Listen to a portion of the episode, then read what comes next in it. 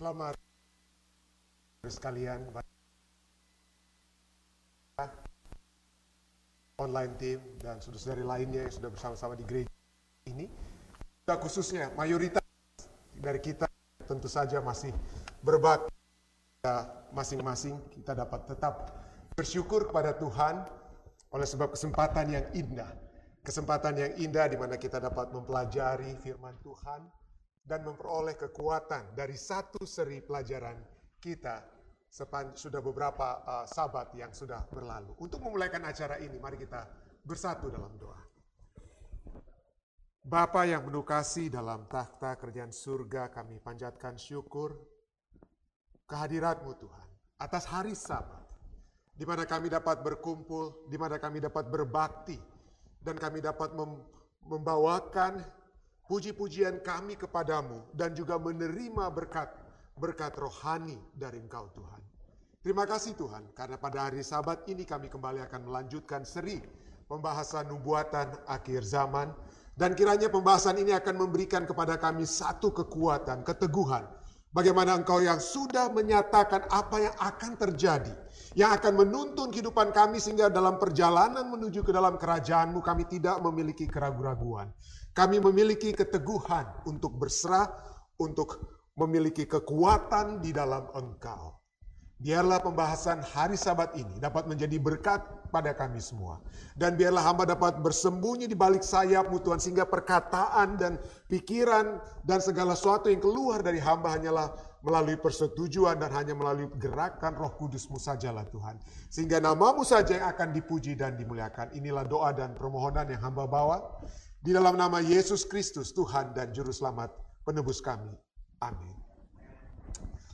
Kita memuji dan membesarkan nama Tuhan karena pada sabat ini kita sudah memasuki bagian yang kelima dari pelajaran kita ya, seri nubuatan kita.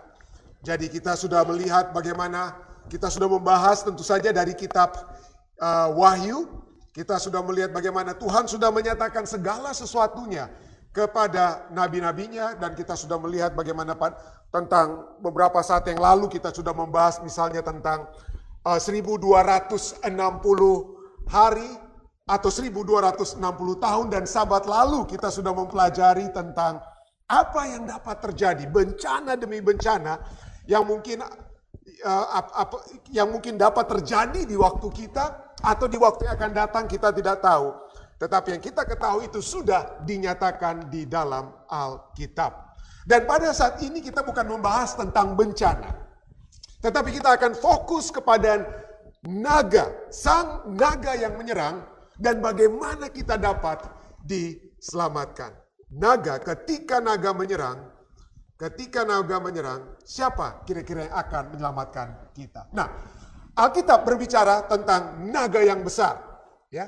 Kita sudah mempelajari waktu yang lalu dalam Wahyu 12 ayat 7 sampai 9 dikatakan bahwa timbullah peperangan di sorga Mikael dan malaikat-malaikatnya berperang melawan naga itu dan naga itu dibantu oleh malaikat-malaikatnya. Tetapi mereka tidak dapat bertahan. Mereka tidak mendapat tempat lagi di sorga. Dan naga besar itu, si ular tua, yang disebut iblis atau setan yang menyesatkan seluruh bumi, seluruh dunia, dilemparkan ke bawah.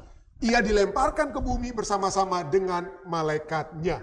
Waktu lalu kita sudah pelajari sedikit ya. Sepertiga anggota keluarga Allah dibawa oleh sang naga atau si ular tua yang disebut dengan iblis atau setan. Dan kemudian kita kita melihat bagaimana ya sepak terjangnya. Dan pada saat ini mari kita melihat secara spesifik ke dalam Wahyu 12 ayat 12. Di sana dikatakan Wahyu 12 ayat 12. Karena itu bersukacitalah hai sorga dan kamu sekalian yang ada atau yang diam di dalamnya. Kenapa? Karena naga tersebut bersama pengikutnya itu sudah tidak lagi di mana? Tidak lagi di sorga, di bersukacita hai sorga. Tetapi apa yang terjadi? Celakalah kamu hai bumi dan laut, karena iblis telah turun kepadamu dan geramnya yang dahsyat. Karena ia tahu bahwa waktunya sudah singkat. Tadinya dia mungkin memiliki kesempatan untuk hidup selama-lamanya dalam zaman masa kekekalan. Tetapi sejak dia dijatuhkan dari surga ke dalam bumi ini, dia tahu bahwa dia akan memiliki akhir. Dia akan memiliki akhir. Dan sini dikatakan apa? Celakalah kamu hai bumi dan laut karena iblis telah turun kepadamu dalam geramnya yang dahsyat karena ia tahu bahwa waktunya sudah singkat. Wah, dia marah dengan kegeraman yang dahsyat karena dia tahu. Saya ulangi, dia tahu waktunya sangat apa? Singkat pertanyaannya. Apakah saudara dan saya mengetahui waktunya sudah singkat? Apakah kita mengetahui seperti sang iblis, sang naga, si ular tua, bahwa waktunya sudah apa? Sudah singkat. Seringkali yang terjadi kita tertidur. Ya. Harus dibangunkan, kita dininabobokan oleh si naga atau iblis tersebut. Ya. Dia yang apa ya? Menina bobokkan kita. Kenapa? Karena dia memang memiliki apa ya karakteristik sebagai apa ya sebagai false accuser pemfitnah bukan itu saja. The adversary dia musuh kita. Dan dalam segala sesuatu dia ingin agar kita dibawa ke dalam satu lingkungan dengan dia. Dialah naga besar tersebut atau si iblis atau setan. Dia ingin meninabobokkan kita. Nah bagaimana caranya dia meninabobokkan kita? Bagaimana caranya dia menina bobokkan kita? Membuat kita tidak pikir tentang dia. Research daripada Barna menyatakan bahwa banyak orang-orang Kristen di Amerika tidak percaya adanya setan dan tidak percaya akan roh kudus. Ya. Tidak percaya. Tujuh dari sepuluh orang di Amerika Serikat. Tujuh puluh persen. Tujuh dari sepuluh orang tidak percaya adanya setan atau iblis atau naga. Kenapa? Dia karena mungkin pemahaman-pemahaman yang sudah berkembang dia uh, pertama mungkin adanya secular rationality jadi orang-orang berpikir secara reason, ya, secara akal mereka, ah nggak mungkin ada yang di luar daripada pemikiran, nggak mungkin ada kuasa di luar kita. Segala sesuatu itu dari kita. Ada lalu berikutnya ada namanya istilahnya secular epistemology. Jadi science akan-akan yang menjadi utama dalam segala sesuatu. Jadi apakah kita bisa mengobservasi? Apakah kita bisa apa? Mengobservasi, melihat adanya setan. Kita bisa lihat nggak? Kita bisa masukkan dia di laboratorium atau tidak? Sekular relativism. Sekular relativism katakan, well, orang-orang pikir, ah, kalau kamu mau percaya tentang setan, silakan. Well, saya nggak, saya nggak percaya. Jadi apa yang terjadi? Yang terjadi adalah di masa lalu orang pada zaman dahulu, 50-an tahun lalu atau mungkin 100 tahun lalu di Amerika, mereka orang-orang di Amerika itu menyadari adanya satu apa ya? Struggle, ada satu apa? Pergumulan melawan setan. Tetapi pada saat ini tidak lagi ya. Jadi bagi mereka kata evil atau kejahatan atau setan itu itu bukan lagi karena adanya satu oknum setan, tetapi karena mungkin bukan orang karena dikuasai oleh setan, tetapi dia orangnya itu mengambil satu tindakan yang apa? Gagal untuk mencintai orang lain. Atau orang itu hanya mencintai diri sendiri, selfishness. Ya. Dengan kata lain, bagi mereka bahwa jangan lagi percaya tentang adanya setan. Setan itu orang kuno yang berpikir bahwa mereka tidak mau bertanggung jawab atas setiap tindakan mereka. Ya, mereka tidak mau bertanggung jawab, jadi mereka oh itu setan ini gara-gara setan nih bikin saya bikin begini. Jadi jangan. Kalau kita memiliki rasionalisasi orang modern, menurut mereka, orang-orang zaman saat ini, mereka bilang, well, kita harus bertanggung jawab. Ini saya yang buat sendiri, ini kemauan saya. Ini yang saya mau sendiri. Jadi itulah yang terjadi. But the truth is, that Satan is real. Satan is real. Dan tahukah Anda bahwa ini adalah memang salah satu strategi setan. Dia tidak mau ditonjol-tonjolkan ya. Dia tidak mau main di depan untuk diketahui. Jadi film-film Indonesia yang pocong, yang lompat-lompat segala macam itu itu bukan kenyataan, saudara. Setan nggak mau nggak mau bikin-bikin takut di depan kita. Dia nggak mau kita diketahui. Jadi kalau Anda nonton film pocong seperti waktu lalu kita ada diskusi dengan apa ya The Bowies ya. Mereka katakan apa ya? Uh, Valerie, eh, bukan Valerie, siapa namanya? Pamela, Pamela Bowie. Dia katakan bahwa yang bikin takut bukan filmnya itu, tapi artinya pada saat mereka membuat film tentang pocong itu ya tidak ada arti ketawa-ketawa saja mereka ya dengan kata lain. Jadi setan itu sebenarnya tidak tidak mau dia itu kelihatan lompat-lompat untuk menakut-nakuti kita. Nah, kemenangan akhir, buku kemenangan akhir, halaman 236 dikatakan sana. Tidak ada yang lebih besar bahayanya dari pengaruh roh-roh jahat daripada mereka yang menyangkal keberadaan setan dan agen-agen roh jahat serta malaikat-malaikatnya. Itu jadi bahaya sekali kalau kita sangkal. Walaupun secara langsung Alkitab memberikan kesaksian mengenai keberadaannya. Alkitab menulis, saudara, Alkitab menyaksikan keberadaannya. Mungkin orang katakan, ya tapi pendeta secara saintifik, secara ilmiah, buktikan kalau setan ada. Bisakah Anda membuktikan bahwa secara ilmiah bahwa George Washington adalah presiden pertama Amerika Serikat? Secara ilmiah Anda bisa observasi dia, Anda bisa ulang-ulangi apa perbuatannya. Tidak ya. Kenapa Anda tahu bahwa George Washington adalah presiden pertama Amerika Serikat oleh sebab ada kesaksian sejarah, ada tulisan sejarah, ada kesaksian melalui foto sejarah. Jadi kalau kita percaya tentang Alkitab ini adalah apa firman Tuhan yang berisi kesaksian, maka kita akan dapati bahwa Alkitab secara langsung memberi kesaksian mengenai keberadaan setan. Inilah sebabnya. Lanjutan daripada kutipan tadi ya. Inilah sebabnya sementara kita mendekati akhir zaman. Ini lihat, saya ulangi. Pada saat kita mendekati akhir zaman. Bila mana setan bekerja dengan kuasa yang lebih besar untuk menipu dan membinasakan orang-orang. Ia menyebarkan ke mana-mana kepercayaan apa? Ia akan menyebarkan kepercayaan ke mana-mana bahwa ia tidak ada bahwa ia tidak ada. Adalah kebijakannya untuk menyembunyikan dirinya dan cara kerjanya. Nanti kita akan lihat apa yang dia bisa lakukan. Dia tidak akan menunjukkan dirinya lompat-lompat di depan kita, tetapi dia akan bekerja di balik layar supaya kita lebih percaya. Dan Satan is. Saya mengajak Anda membaca buku kemenangan akhir. Ada enam bab di dalam buku kemenangan akhir yang berbicara tentang sang naga, setan, iblis, ular tua tersebut. Ada enam bab. Bab 29 sampai bab 34 berbicara tentang setan. And he is so, so real. Oh bagaimana bentuknya pendeta? Bagaimana bentuknya? Oh kita sering kali melihat apa ya? Melihat gambar-gambar bahwa setan itu apa ya? Wah mengerikan, ada ekornya, ada ekornya, mukanya berwarna merah, ya ada dua tanduknya dan dia pegang trisula, mengerikan setan itu, ya, mengerikan. Dan film-film film-film di di mana saja, film-film horor di Indonesia khususnya, waduh wajah setan itu mengerikan sekali. Ya, wajah setan itu sangat mengerikan sekali. Dan inilah salah satu penipuan dia ya.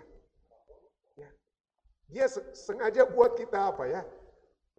Mengalihkan dia sedang kamuflase dikatakan, mengalihkan satu kebenaran tentang dirinya. Yeskiel 28 katakan dia maha indah ayat 12. Yeskiel 28 ayat ayat 14 katakan dia tempatnya itu dekat kerub yang berjaga di Gunung Kudus Allah. Jadi dia adalah boleh dikatakan sebagai prime minister, perdana menteri dari alam semesta. Dialah menjadi ketua perwakilan dari para malaikat. Ketua perwakilan dari para malaikat.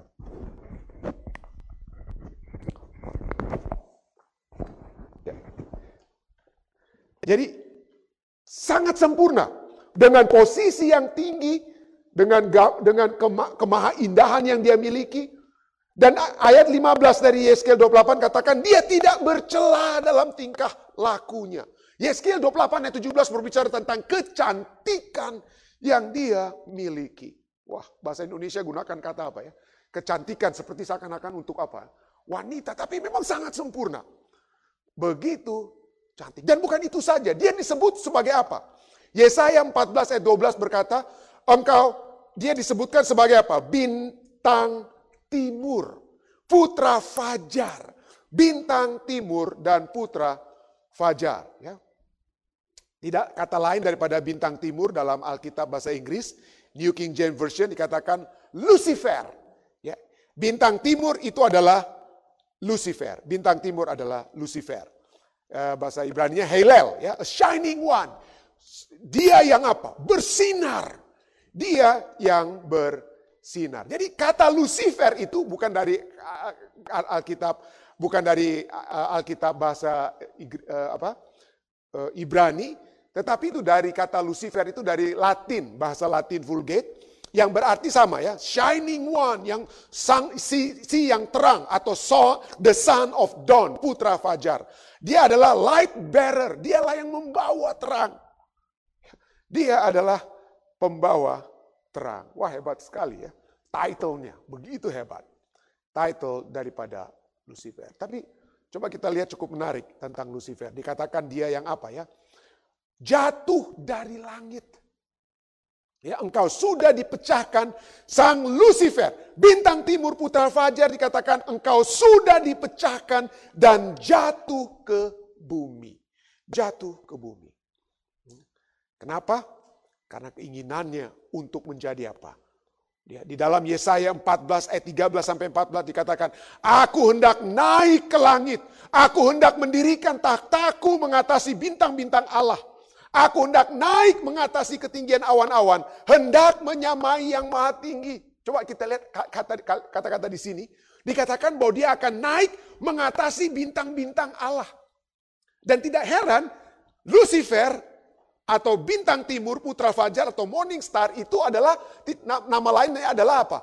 Planet Venus, planet Venus. Anda tahu planet Venus itu apa? Kalau pagi-pagi sekali Anda melihat planet Venus, itu adalah di, di timur, ya Anda bisa lihat sebelum matahari muncul, Anda akan melihat Venus, planet Venus. Itu apa bintang yang paling terang. Tetapi terangnya dia itu betul, dia itu setelah satu malam bintang-bintang lain itu sudah hilang, cuman dia yang bersinar. Cuman dia yang bersinar. Jadi seakan-akan dia ingin mengatasi bintang-bintang Allah.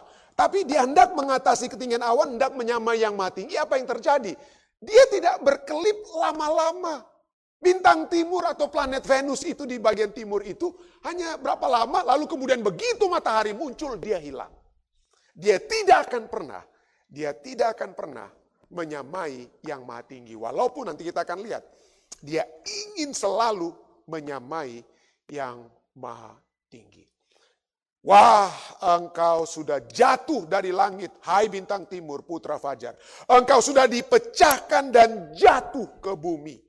Lukas 10 ayat 18, Yesus menjadi saksi mata. Yesus katakan apa? Lalu kata Yesus dalam Lukas 10 ayat 18, Aku melihat iblis jatuh seperti kilat dari langit. Yesus melihat. Ya, jatuh dari langit. Tidak heran, Wahyu 12 ayat 9 katakan apa? Wahyu 12 ayat 9. Dan naga besar itu, si ular tua yang disebut iblis atau setan.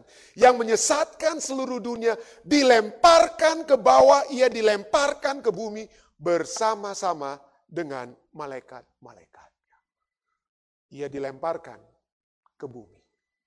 Dan ia menjadi penguasa apa? Penguasa bumi, saudara. Ya. 1 Yohanes 5 ayat 19 berkata, kita tahu bahwa kita berasal dari Allah dan seluruh dunia berada di bawah kuasa si jahat. Dia yang berkuasa. Tidak heran. Ya, pada saat kita membaca Ayub 1 ayat 6, pada saat anak-anak Allah dikatakan datang menghadap Allah atau menghadap Tuhan, di antara mereka juga datanglah siapa? Si iblis. Kenapa? Karena dia adalah apa? Penguasa dunia kita. Dia adalah the prince of this world, not the king. Ya but the prince, penguasa dunia kita. Ya. Dan itu Yesus akui. Yesus tidak sangkal waktu dia di, di apa ya, waktu Yesus di, dicobai oleh setan dalam Matius 4. Dalam Matius 4 ayat 8 sampai 9, iblis membawanya ke atas gunung yang sangat tinggi dan memperlihatkan kepadanya semua kerajaan dunia. Dia dia kasih tunjuk. Lalu dia katakan apa? Semua ini akan kuberikan kepadamu jika engkau sudut menyembah aku. Jadi Yesus tidak bilang, oh enggak, enggak, enggak, enggak. masa kamu punya ini? Enggak lah. Yesus tidak tolak, Yesus tidak sangkal. Ya. Semua ini akan kuberikan kepadamu. Dia tawarkan kepada Yesus. Dan dia betul, saat itu, saat itu. Pada saat Yesus dicobai tersebut dari padang gurun, penguasa dunia masih dimiliki atau masih berada di tangan atau dalam kuasa daripada setan. Nah, setan tidak ingin kita apa ya melihat dia secara langsung. Dia ingin di balik layar, tapi coba kita lihat apa yang dapat dia lakukan. Apa yang setan dapat lakukan ya. Wah, banyak sekali. Matius, Markus 9 ayat 17 sampai 18 dan ayat 25 bagaimana ada orang banyak itu pada saat itu uh, uh, seorang dari ada, ada orang banyak membawa kepada apa? An, melihat bagaimana seorang ayah membawa anaknya kepada Yesus dan orang dari itu berkata ya, sang ayah, "Guru, anakku ini kubawa kepadamu karena ia kerasukan roh yang membisukan dia." Jadi dia Roh jahat ini, setan itu bukan hanya berbicara kepada Adam dan Hawa di Taman Eden, tapi dia juga bisa membuat orang tidak berbicara. Setiap kali roh, roh itu menyerang dia, roh itu membantingnya ke tanah. Jadi dia terbanting-banting. Mulutnya berbusa, giginya berkertakan, dan tubuhnya menjadi kejang. Aku sudah meminta kepada murid-muridmu supaya mereka mengusir roh itu tetapi mereka tidak dapat. Ayat 25. Lalu Yesus Menegora jahat, menegora roh jahat itu dengan keras katanya. Hai kau roh yang menyebabkan orang menjadi bisu dan tuli. Wah, dia dia bisa berkuasa atas rupanya atas keadaan fisik kita, setan. Ya. Ini Alkitab katakan, bukan saya. Ya. Alkitab katakan, dia akan apa? Menyebabkan orang bisa menjadi bisi dan tuli. Dia bisa kontrol, dia bisa merasuk orang sehingga kita dapat dibanting-banting, mulut bisa berbusa, gigi berkertakan, tubuh menjadi kejang. Apalagi yang dikatakan ya?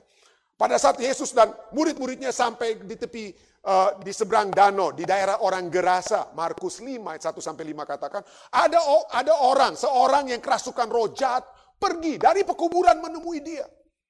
Tidak ada orang yang sanggup mengikatnya dengan rantai. Dan kita akan lihat nanti bagaimana di uh, roh-roh jahat ini atau pengikut malaikat-malaikat jahat itu memiliki struktur, ya, memiliki apa ya? Ada ada jenderalnya, ada legion, ada jenderal, ada pangkat-pangkatnya. Ada yang lebih kuat, lebih berkuasa daripada yang lainnya. Nanti kita akan lihat. Nah, yang memasuki, merasuki orang di Gerasa ini adalah Roh yang menyebabkan orang itu apa? Kuat sekali. Tidak ada yang sanggup mengikatnya sekalipun dengan rantai ayat 3. Ia sudah sering dibelenggu dan dirantai, tetapi rantainya diputuskan dan belenggunya dimusnahkannya, sehingga tidak ada seorang pun yang cukup kuat untuk menjinakkannya. Kata menjinakkan seakan-akan orang ini yang dirasuk setan itu jadi seperti binatang. Jinak, dijinakkan, gak ada yang bisa. Siang malam ia berkeliaran di pekuburan dan di bukit-bukit sambil berteriak-teriak dan memukul dirinya dengan batu tapi tidak mati-mati. Tetap kuat, tidak tidur-tidur siang malam. Ya. Kalau Anda tidak tidur-tidur siang malam, dua tiga hari aja Anda bisa kolaps. Ya. Tapi dia begitu kuat. Begitu kuat.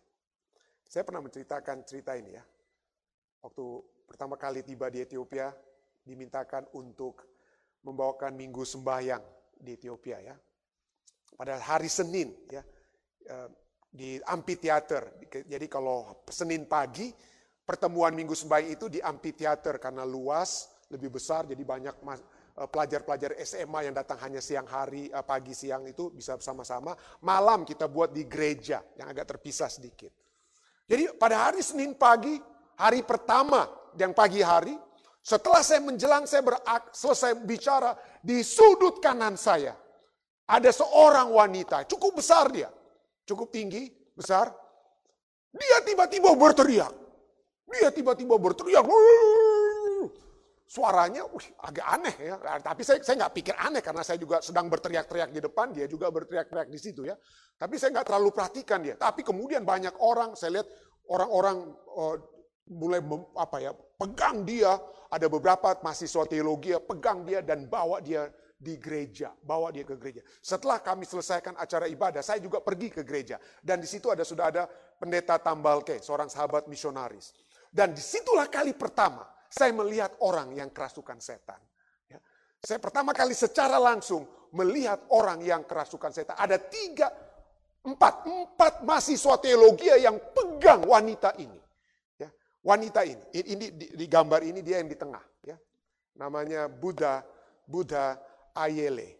Ya, Buddha Ayele. Jadi dia dipegang, dipegang dengan empat mahasiswa teologi, dua tangan, dua kaki, dan dia mulai bicara dengan dengan suara, saya nggak saya nggak ngerti bahasa Ethiopia atau apa ya, tapi dengan suara yang berat begitu ya.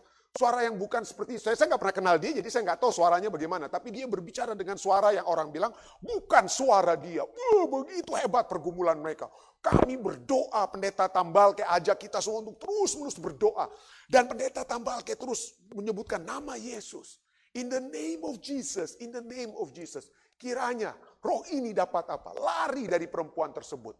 Dan ada saatnya perempuan itu kemudian tidak lagi dapat berbicara. Sehingga akhirnya pendeta tambal kayak apa? Minta dia untuk say the name of Jesus. Say the name of Jesus. Sambil pada akhirnya dia bisa membuka matanya. Dia melihat mereka tambal ke.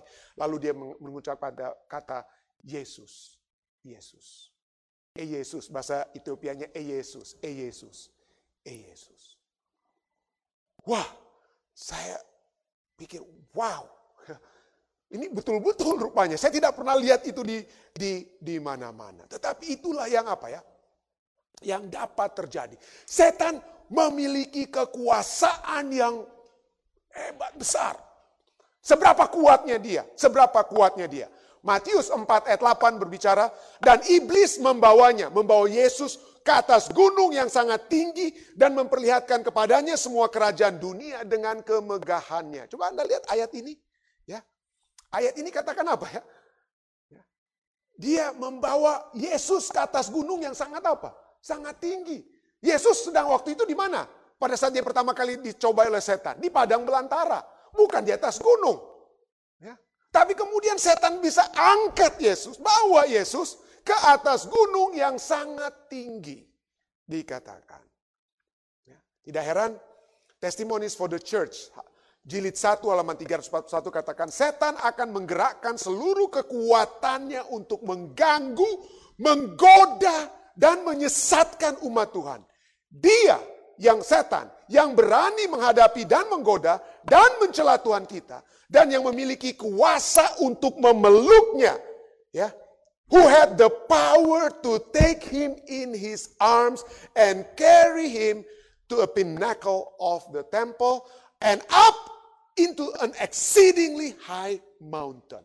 Dia memiliki apa dikatakan? Memiliki kuasa untuk memeluk Yesus, menggendong Yesus ke puncak bait suci dan naik ke gunung yang sangat tinggi akan menjalankan kuasanya hingga tingkat yang luar biasa di atasnya. Generasi yang sekarang yang jauh lebih rendah dalam hikmat dari Tuhan mereka dan yang hampir sepenuhnya mengabaikan kehalusan dan kekuatan setan. Setan begitu berkuasa. Apa yang dia dapat buat pada Yesus? Dan Anda sekarang katakan, oh nggak ada tuh setan. Ya, saya dapat kontrol setan. Saya dapat mengontrol setan. Ada ada opo-opo ini, tapi itu opo-opo itu ya saya simpan. Nanti saya gunakan seperlunya pada saat tertentu aja mungkin. Pada saat saya bertanding badminton untuk sampai final, di situlah saya pakai opo-opo kita. Kita kita pikir seperti itu, kita bisa bisa atur setan itu. Ya, ada satu film Hollywood yang judulnya adalah How to Train Your Dragon. Film kartun Hollywood, DreamWorks ya. How to train your dragon. Jadi ada naga dikatakan dalam film kartun ini yang seorang anak muda bisa apa? Bisa jinakkan. Dan kemudian dia bisa kendarai naga tersebut untuk pergi ke sini dan ke situ. Lucu sekali, bagus sekali seakan-akan ceritanya. Ya, anak muda ini juga apa pacar di, dicint, apa dicintai oleh seorang wanita muda lainnya dan mereka sama-sama apa? Sama-sama mengendarai naga seakan-akan naga ini Uber yang dapat disuruh ke kiri dan ke kanan. you can never, ever train a dragon. Setan mau kita seakan-akan apa ya uh, familiar, seakan-akan kita tidak perlu takut dengan naga-naga, seakan-akan kita tidak perlu takut kepada dia. Kita boleh permainkan dia, kita boleh atur-atur dia. Opo-opo kita bisa pegang, kita bisa taruh di mana, taruh di sudut rumah. Kita bisa menggunakan pada saat-saat tertentu. Tetapi anda tidak bisa menggunakan setan, setan yang menggunakan kita. You cannot control the devil. Kita tidak bisa ambil opo-opo untuk kita gunakan seperlunya. Tetapi setan akan menggunakan kita selalu. Selalu dia akan dapat gunakan kita. Kuat kuasanya. Dan apa yang dia lakukan itu bukan sesuatu hal yang baik, saudara-saudara. Bukan sesuatu yang baik. Kita sering kali ada, sekali lagi ada di, di apa ini Netflix ya film saya nggak pernah nonton ini tapi ada judul daripada di Netflix ini apa ya uh, live streaming movie di Amerika Serikat ini ya ada ada film apa seri yang berjudul Lucifer ya Lucifer di sini dikatakan adalah seorang apa setan atau the angel of hell yang dia sudah apa dia capek dia bosan di, di neraka katanya jadi datanglah dia di Los Angeles di California di Amerika. Lalu dia buka katanya menurut menurut description ini ya, dia buka night club, lalu dia berhubungan apa? Dengan detektif untuk cari orang-orang jahat. Jadi setan membantu detektif di Los Angeles untuk kejar orang-orang jahat. Waduh hebat sekali setan. Perbuatannya bagus sekali, baik sekali ya. Wow. Wow. Setan membantu manusia untuk menangkap yang jahat. Dia si jahat. Setan yang jahat, saudara-saudara. Setan yang jahat. Life Sketches of Ellen White halaman 162 katakan, roh-roh jahat secara aktif terlibat dalam upaya mengendalikan pikiran manusia Manusia terikat dalam bungkusan, siap untuk dimangsa oleh api di akhir zaman. Tapi banyak orang saat ini, wah setannya itu disimpan dalam apa? Opo-opo mereka yang dibungkus kain. Setan seakan-akan yang dibungkus, tidak. Anda yang dibungkus. Manusia terikat dalam bungkusan, siap untuk dimangsa oleh api di akhir zaman. Mereka yang membuang Kristus dan kebenarannya akan menerima ke kesesatan yang membanjiri dunia, flooded the world. Manusia di bawah pengaruh roh jahat akan membuat keajaiban. Ini bukan setan yang lompat-lompat buat keajaiban, tapi manusia di bawah pengaruh rojat akan membuat keajaiban. Mereka akan membuat orang sakit dengan merapalkan atau spell apa, merapalkan mantranya pada mereka dan kemudian mereka akan menghapus mantra tersebut, membuat orang lain mengatakan bahwa mereka yang sakit telah disembuhkan secara ajaib. Setannya yang telah melakukan hal ini berulang-ulang. Jadi sering kali kita pikir, wah itu jago tuh orang itu. Kenapa? Sembuh dia bikin. Hati-hati. Hati-hati kita harus bertanya apakah itu kuasa dari surga, kesembuhan kuasa dari surga atau kuasa daripada apa? Setan yang menyanggupkan orang apa? Untuk dibuat sakit dan disembuhkan. Jadi betul, betul itu bicara tentang guna-guna itu ya. ya. Betul guna-guna. Tapi itu bukan bicara tentang adanya jarum-jarum yang keluar dari tubuh. Tapi tidak, saya tidak pernah tahu itu. Tapi mungkin Anda dibuat jadi sakit. Apalagi, apalagi yang dapat setan lakukan. Ya. Wah, di Adventist Review katakan apa? Dia dapat berbaur dengan manusia. Ini hati-hati saudara ya. Dia dapat berbaur dengan manusia. Di sini dikatakan, demikianlah manusia datang kepada Kristus.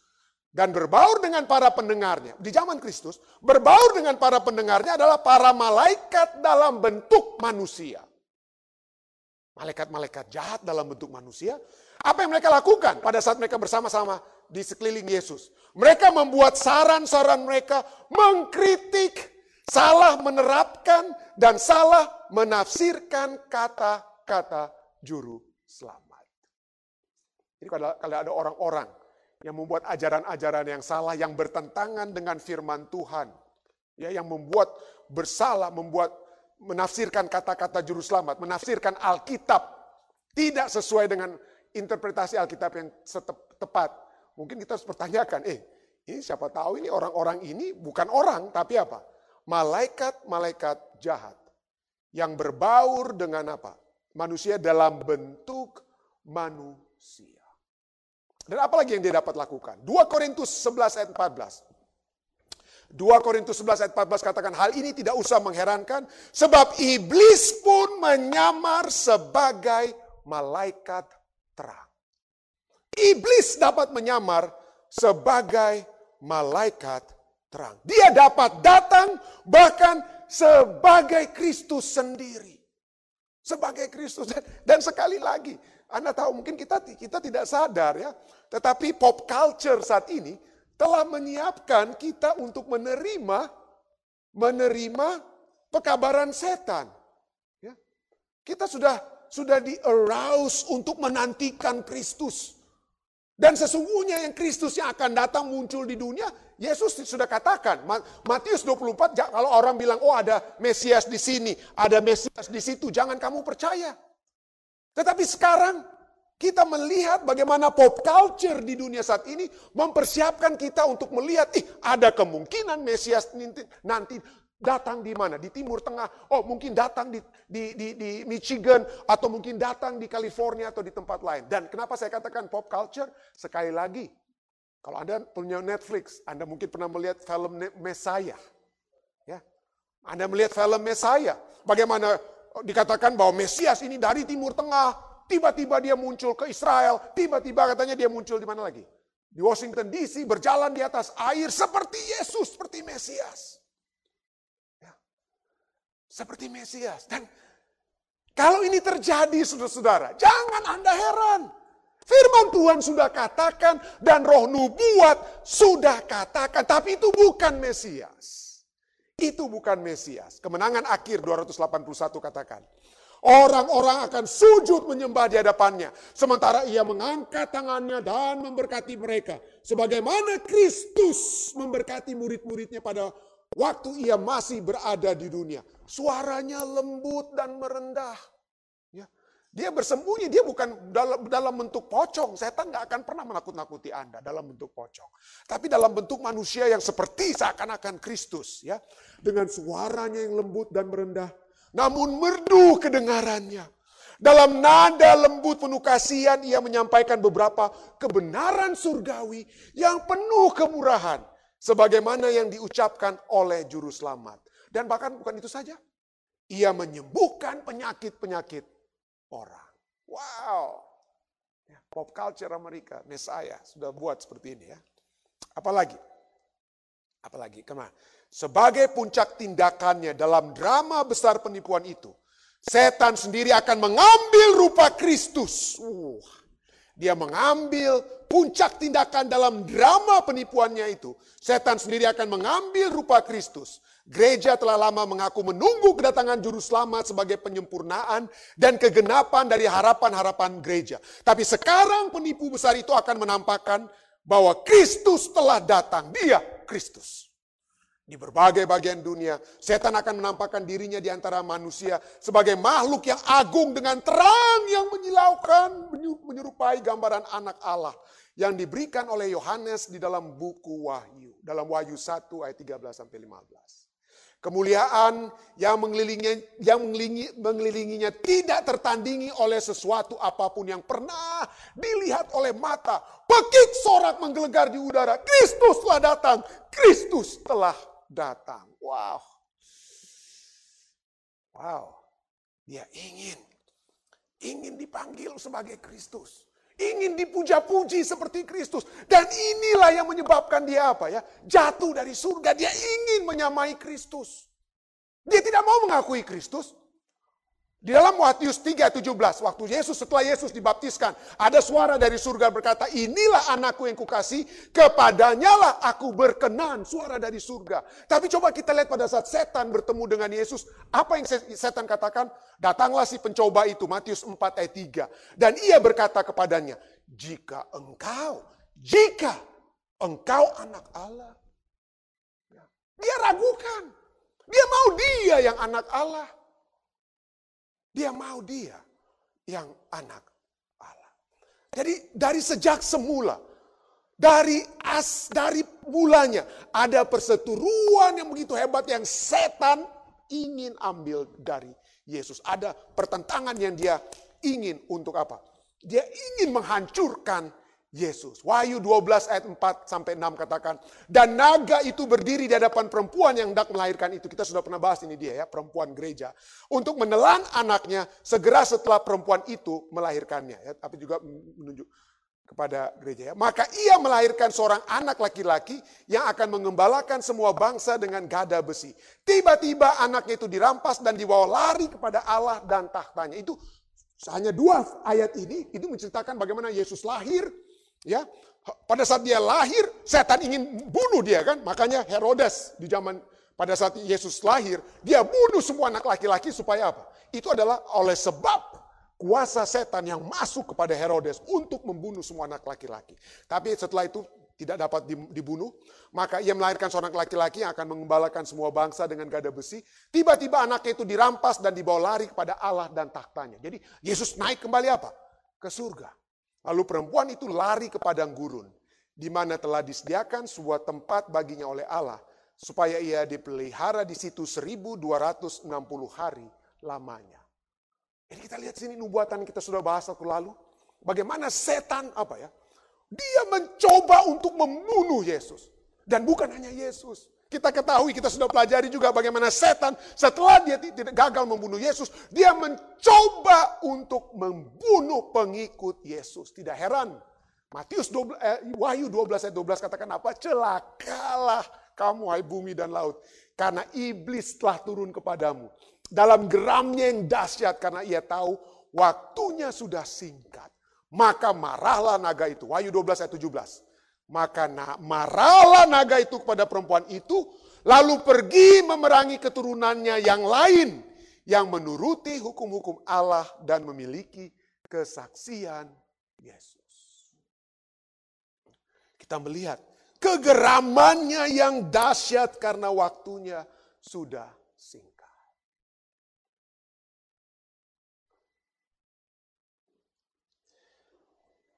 Mungkin kita jangan hanya berpikir tentang kegeraman, kemarahan sang naga, sepak terjangnya yang mengerikan.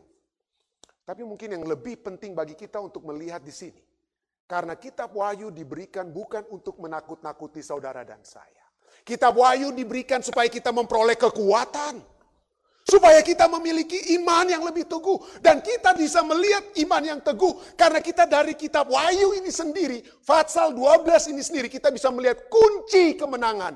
Baik anak Allah ataupun pengikut-pengikut anak Allah tersebut. Dan apa kunci kemenangan tersebut, saudara? Kita sudah baca tadi banyak dari Wahyu Fatsal 12, ayat 12, ayat 17 kita sudah baca. Mari kita balik satu ayat sebelum ayat 12 sebelum bicara tentang kegeraman.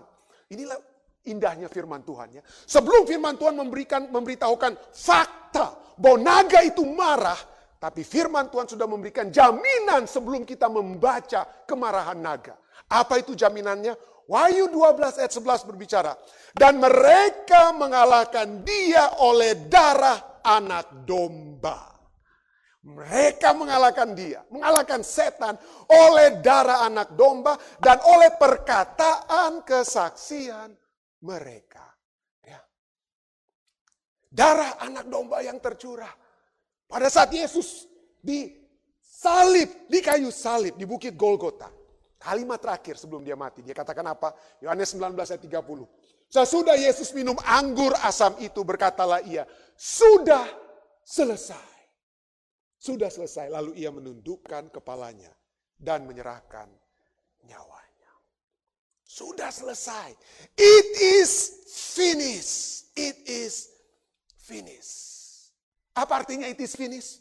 Bahasa bahasa Grekanya tetelestai. Tetelestai artinya to bring to an end, untuk mengakhiri, mengakhiri to make it complete, to fulfill atau dengan kata lain to pay in full, dibayar lunas. Pada saat Yesus berkata, sudah selesai, lunas semuanya. Paid in full. Apa yang dia bayar lunas? Apa yang menjadi dibayar lunas oleh Yesus? Dan mengapa penting? Ibrani 9 ayat 22 katakan, tanpa penumpahan darah tidak ada pengampunan. Ya, tanpa penumpahan darah, tanpa Yesus berkata sudah selesai dengan darahnya tercurah, tidak ada pengampunan. Saudara dan saya akan menerima upah dosa. Tidak ada pengampunan. Kita membutuhkan pengampunan ini saudara ya. Kita semua bergumul dengan pengampunan di dalam kehidupan kita oleh sebab pelanggaran-pelanggaran kita. Sudahlah kita berpikir pelanggaran kita kepada Allah atau kepada Yesus Kristus. Kita pikirkan saja pelanggaran kita kepada orang lain. Pelanggaran kita kepada orang tua kita, anak kita, sahabat kita. Ya. Pelanggaran yang kita buat kepada bekas suami, bekas istri, bekas pacar atau apalah. Sebegitu banyak pelanggaran-pelanggaran yang kita buat. Yang menyebabkan sering kali kita berpikir, kalau bisa saya kembali ke masa lalu. Kalau bisa saya bisa kembali sehingga saya tidak akan memuat kesalahan-kesalahan. Supaya saya tidak harus memikirkan beban dosa tersebut. Supaya saya tidak harus bergumul dengan masalah pengampunan. But the truth is, saudara dan saya tidak perlu lagi apa? Kalau kita menerima Yesus Kristus, kita tidak perlu lagi apa?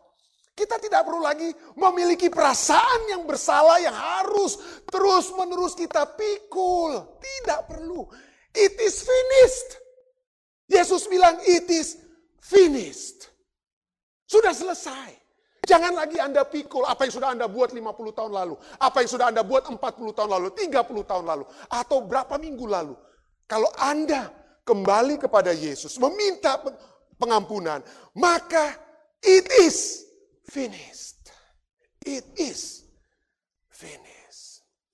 Would you be free from the burden of sin? Maukah engkau bebas dari dosa, beban dosa? There's power in this blood. Power in the blood. Ada dalam kuas, ada kuasa dalam darahnya. Maukah engkau di sini bahasa Indonesia lagu Mas katakan lagu Indonesia katakan maukah engkau lawan kejahatan tapi Would you over evil a victory win? Maukah kita memiliki kemenangan atas apa? Atas dosa atau kejahatan. There is power in his blood. There is power, power, wonder working power in the blood of the lamb. Ada kuasa di situ. Kita sering kali pada saat saya memikirkan beban dosa saya, saya lemah saudara. Lemas saya. Saya lemas. Karena kenapa setan akan selalu berbisik, you are hopeless. You are hopeless. Pelanggaranmu tahun-tahun lalu itu, lihat akibatnya, lihat akibatnya. You are hopeless. Gak ada kamu kesempatan lagi. Gak ada pengampunan kepadamu. Ingat kata Yesus. It is finished. Beban dosa Anda, it is finished. Penyesalan-penyesalan masa lalu, forget it. It is finished. Because there is power in the blood. Yesaya 14 ayat 13 sampai 14 katakan, Engkau yang tadinya berkata dalam hatimu, aku hendak naik ke langit. Aku hendak mendirikan takhtaku mengatasi bintang-bintang Allah. Aku hendak duduk di atas bukit pertemuan jauh di sebelah utara. Aku hendak naik mengatasi ketinggian awan-awan. Hendak menyamai yang maha tinggi. Ya, tetapi apa yang terjadi? Dia ingin hal tersebut. Tapi Yeskiel 14 ayat 15 berikutnya. Dia ingin, itu yang dia ingin lakukan. Tapi sebaliknya ke dalam dunia orang mati engkau diturunkan ke tempat yang paling dalam di liang kubur. Dan Wahyu 20 ayat 11 katakan. Dan iblis yang menyesatkan mereka dilemparkan ke dalam lautan api dan belerang. It is. Setan finished beban-beban dosa kita finished. Karena ada kuasa di dalam darah anak domba Allah. Saya bawa ini dalam nama Yesus.